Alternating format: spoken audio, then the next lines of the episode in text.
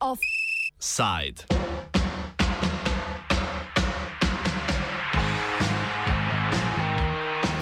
Noben če fur raus.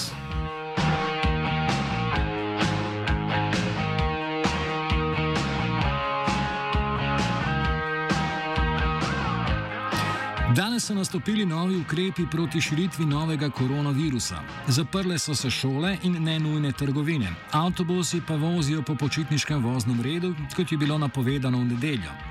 A že v ponedeljek je v veljavo stopil odlok o prepovedi prečkanja meja, ki so ga najavili prejšnji dan. Najbolj nenavadno je, da so v odloku določili omejitve tudi za izstop iz države. Ta je prepovedan vsem osebam s prebivališčem v Republiki Sloveniji, ki potujejo države na rdečem seznamu. Ta vključuje 158 držav, se pravi praktično vse svet, seveda tudi vse sosednje države. Kot so nam povedali na vladnem klicnem centru za informacije o koronavirusu, odlog velja za vse osebe s stalnim ali začasnim prebivališčem v Sloveniji, torej tudi za tuje državljane. Policisti lahko vsem izdajo kazen v višini 400 do 4000 evrov, ne morejo pa jim fizično preprečiti izstopa iz države. Za dodatne informacije in pojasnitve, med drugim glede tega, na kakšni pravni osnovi je prepovedano Slovenijo zapustiti, tudi tujim državljanom na Ministrstvu za notranje zadeve v teh dneh niso bili na voljo.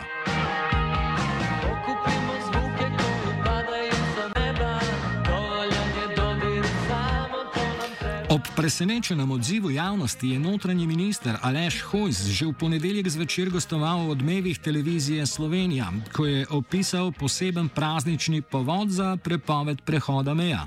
Eh, drži pa to, kar je tudi povedala dr. Logareva. Pred dobrimi 14 dnevi eh, sem bil jaz osebno obveščen strani ministra za zdravje in zdravnikov, da se eh, relativno veliko povečanja hospitaliziranih v naših bolnicah pravzaprav prihaja iz območja nekdanje Jugoslavije. Torej, da gre za tiste, ki so v posrednjem ali pa v neposrednem stiku bili s temi ljudmi, zato smo se pač morali nažalost odločiti, da prepovemo oziroma omimo tudi izstop iz naše države. Ne gre toliko za izstop v naše severne ali pa zahodne meje, kljub temu, da so tam tudi države rdeče. Um, enostavno je potreba biti odkrit in povedati, da v Sloveniji živi toliko in toliko uh, naših, bi rekel, um, nekdanjih uh, sodržavljanov, torej uh, ljudi, ki imajo bodi si stalno, bodi si začasno prebivališče v Bosni, v Srbiji, kjer tukaj začasno živijo zgolj v Sloveniji in da je pravzaprav običajna praksa, da te ljudje ob vikendih, še bolj pa seveda za praznike in te prazniki so pred nami, odhajajo domov. In uh, stanje v Bosni, stanje v Srbiji, stanje v Makedoniji je vsak dan slabše, torej daleč od rdečega, ampak se že zelo pri, pri, približuje črnemu. Zato je bilo pravzaprav potrebno umiti predvsem ta gibanja uh, na naš jugovzhod. A prizadetih je bilo več ljudi, ne zgolj tisti, ki so hoteli praznovati veliko noč v Višegradu ali Vršcu. Nekdanji pravosodni minister Aleš Zalar misli, da mu je kršena pravica do družinskega življenja, upisana v Evropsko konvencijo o človekovih pravicah, zato je na ustavno sodišče vložil pobudo za presojo ustavnosti.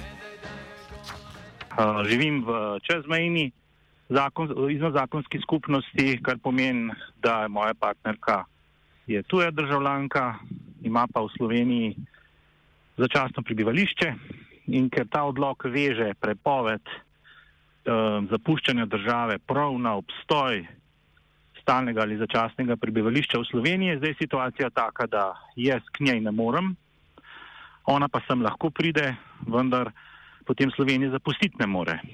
Skratka, uh, ta odlog je dobesedno razbil na eno življenjsko skupnost, um, sprejeti je bil čez noč, državljani nismo imeli nobene možnosti se pripraviti na popolnoma spremenjen režim uh, in uh, smo zdaj ujetniki uh, tega odloka.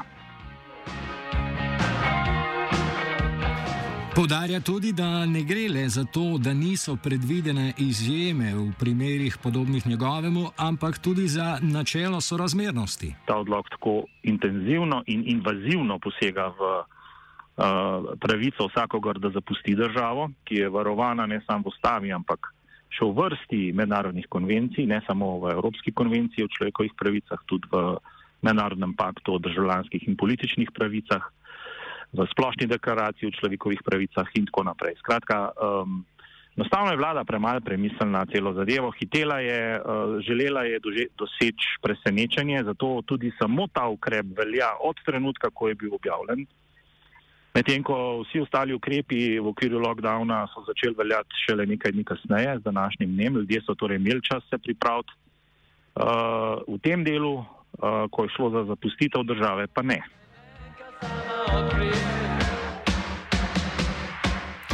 Presenečeni so bili tudi lastniki nepremičnin na Hrvaškem, ki so prav tako vložili ustavno pritožbo. Že prej so za prehajanje ob nujnih opravkih morali plačevati drage teste, zdaj pa se je situacija še poslabšala. Več nam je povedal odvetnik in vlagatelj druge ustavne presoje Matjaš Šaloven. Vlastniki nepremičnin na Hrvaškem ne moremo iz Slovenije niti v primeru uh, više sile povezane z uh, našimi nepremičninami. Bom dal konkreten primer. Če ne primer, ne, naprimer pride do poplave, potresa, uh, kakršne koli druge naravne nesreče, mi ne moremo iz Slovenije, brez da dobimo uh, na meji kazen. Mi razumemo, da je v Sloveniji, oziroma ne samo v Sloveniji, se pravi po celem svetu, da vlada pandemija COVID-a in da so zato potrebni ukrepi, ampak ta ukrep je absolutno nesorazmeren. Mi, lastniki nepremičnin, nimamo dobenega interesa, da bi zdaj v teh časih, um, bom rekel, hodili na Hrvaško iz turističnih razlogov. Oba pravnika sta omenila težavo s pravno podlago za vladni odlog. Zaler nam je povedal malo več o skupni točki obeh ustavnih pobud. To je vprašanje, ali um, ima ta odlog sploh zakonsko podlago. Um, namreč zakon o preprečevanju nalezljivih bolezni um, ne predvideva te možnosti uh, uh, na osnovi tega zakona uh, omejiti pravico zapustiti državo.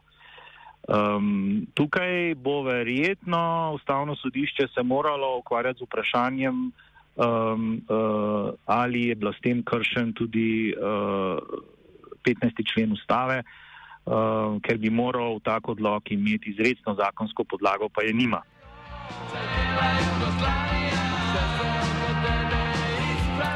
39. člen zakona o nalezljivih boleznih vladi sicer omogoča, da omeji potovanje v države, kjer obstoja možnost, da se posameznik okuži z virusom, zaradi katerega je razglašena epidemija. A gre za ukrep, ki je dopusten le, če zdravje ljudi ni mogoče v dovoljšni meri doseči drugače, naprimer s karanteno ali samo izolacijo.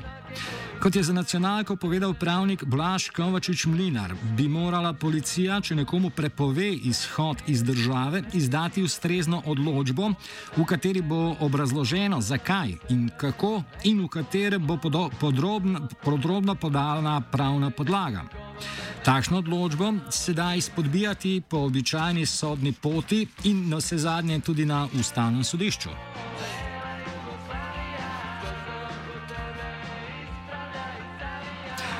Zalar je mnenja, da je možno, da bo presoja ustavnega sodišča imela dolgosežne posledice, predvsem zato, ker bi onemogočila omejevanje državljanskih pravic z odloki na mesto zakoni. Zaradi te epidemije, to trajanje številnih posegov v temeljne uh, človekove pravice, ne vključno s pravico gibanja, zapust, zapustitve države in tako naprej, uh, traja že tako dolgo, da je zdaj seveda nastopil tudi čas, uh, da se uh, uh, počasi vrnemo na tiste temeljne standarde pravnosti, ki so bili v začetni fazi epidemije zaradi tega njenega silovitega izbruha in nepripravljenosti držav na ta izbruh. Uh, Ehm, po svoje razumljivi in takrat so uh, tudi sodišča drugot v državah članicah Evropske unije, ne samo pri nas, puščale več diskrecije vladam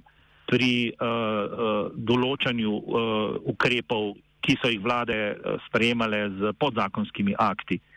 Zdaj pa vidimo en drug trend, da se, eh, pa ne samo eh, pač pri nas, upam, ampak tudi druge, eh, ravno prej sem bral odločbo belgijskega sodišča, da se spet vračamo nazaj k tem temeljnim standardom, da mora tak, tak poseg vedno imeti izredno zakonsko podlago. Zalar nam je na to povedal, katere so bile ključne napake in kako bi slovenska vlada to morala obravnavati. Bolj logično je, da to, kar počnejo zdaj vse države članice Evropske unije, da postavljajo zelo stroge pogoje za vstop v njihovo državo, ne pa za izstop iz nje. Um, in um, zdaj smo v situaciji, da v Slovenijo lahko vstopi uh, vsakdo um, zgolj s tem, da se izkaže z negativnim PCR testom, ki ni starejši od 48 ur. Po drugi strani pa Slovenije ne sme zapustiti.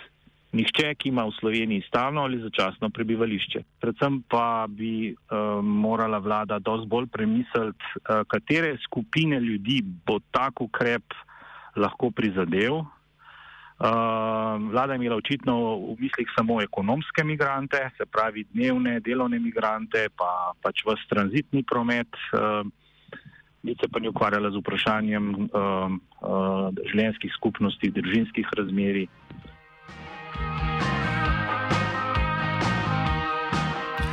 Notranji minister Aleš Hojs je res razmišljal o dnevnih migrantih in sicer celo v tistih odmevih, v katerih je kot razlog za prepoved prehajanja navedel praznične obiske. Meni, da bodo tudi za čezmejne delavce obstale razumne izjeme. Torej, izjeme so v odloku precej jasno zapisane, torej gre za naše delovne migrante. Res je, da tam piše, da je potrebno se vrniti v državo v 14 urah. Sem pa prepričan, da okolikor bi nekdo izkazal nedvoumno, da gre pravzaprav v poslovno ali pa da mora oditi nazaj na svoje delovno mesto, da v tem primeru težav ne bo. Podajanje razlag in določanje izjem pri vladnih odlokih v TV-odajah je zelo nenavadna praksa. Zalar pravi, da so takšne očitne pomankljivosti odloka najboljši dokaz za to, da je neustaven. Hojsovo vedenje primerja s samoglavim odločanjem kraljev. Nam se zdaj točno to dogaja, da nam zdaj minister za notranje zadeve vsak dan razlaga, kdo kaj sme in kdo česa ne sme. Uh, to je popolnoma v, v nasprotju s temeljnim principom pravne države.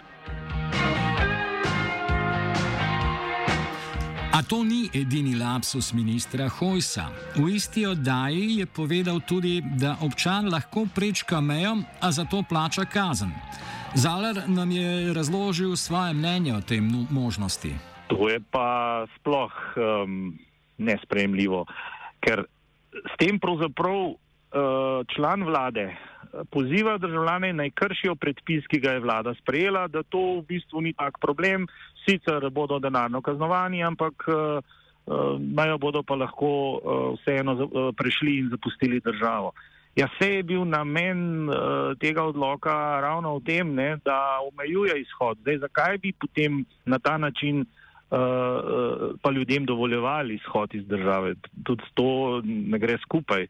Um, in jasno, da uh, to, namen države pa ni mogel biti polnjene proračuna, to sem prepričan. Uh, izpade pa zdaj seveda tak na svet ministra točno tako, da čim več državljanov ne zapusti državo, več bomo dobili nazaj v proračun. Ja, lepo vas prosim. Plačilo določenega zneska, v tem primeru torej kazni za prestop državne meje, sicer spominja na podoben ukrep iz časa Ranke Jugoslavije, ko je vsak državljan ob prehodu meje moral plačati depozit. Ukrep je leta 1982 uvedla Milka Planic, tedanja predsednica federativne vlade, v kateri v veljavi pa je ostal dve leti. Božo Repe, profesor sodobne slovenske zgodovine na Ljubljanski filozofski fakulteti, opiše, kako je bila v tem času videti procedura ob poti v tujino. Eh, no, kar zadeva ta tako imenovani depozit na izhod, je bilo tako, da je človek moral plačati določeno vsoto ob izhodu iz države, ob prvem izhodu iz države. Ne. Se pravi, če ste šli na turistično ali poslovno potovanje, cariniku ste morali pokazati položnico, da ste tisto določeno vsoto, kot je bila določena, ne, v odloku eh, nakazali na državni proračun. Ne. sicer niste mogli čez mejo. No, tudi tukaj je bila ljudska domišljija neizmerna, ne? In ljudje so nakazovali sami sebi in pokazali pač obrazec, da so denar nakazali, ne? ker cariniki dolgo časa niso ugotovili, pač, da tista številka državnega proračuna ni številka državnega proračuna, ampak številka nekega osebnega računa. Ne? Z depozitom je federativna vlada želela predvsem omejiti nakupovanje v sosednjih državah. Najbolj priljubljena destinacija je bil verjetno italijanski trst in švrcanje dobrin nazaj čez jugoslovansko mejo, kar je veljalo za nacionalni šport. Omeniti velja še eno sporednico med današnjim in takratnim plačevanjem za izhod iz države. To, da veseli izletnik, če si sposodimo ta čas popularen izraz, denarja, od katerega se je ločil, v praksi ni nikoli več videl. Pozit je bil vrnjen, ja, seveda, ampak treba je upoštevati tedanjo inflacijo, ne, eh, ki je bila nekaj sto odstotkov eh, konec od 80-ih, ko ta depozit ni več veljal, pa, pa je bila to hiperinflacija. Ne. Tako da od tega denarja pravzaprav um, ni skoraj nič ostalo. Ne. Posamezniki, ki Slovenijo zapuščajo danes, bodo denar videli zgolj, če uspejo s tožbo proti državi. Vprašanje bo torej reševalo ustavno sodišče, ki je trenutni vladi že nekajkrat prižgalo rdečo luč, ko je preizkušala, kako daleč lahko segajo njeni sklepi in odloki.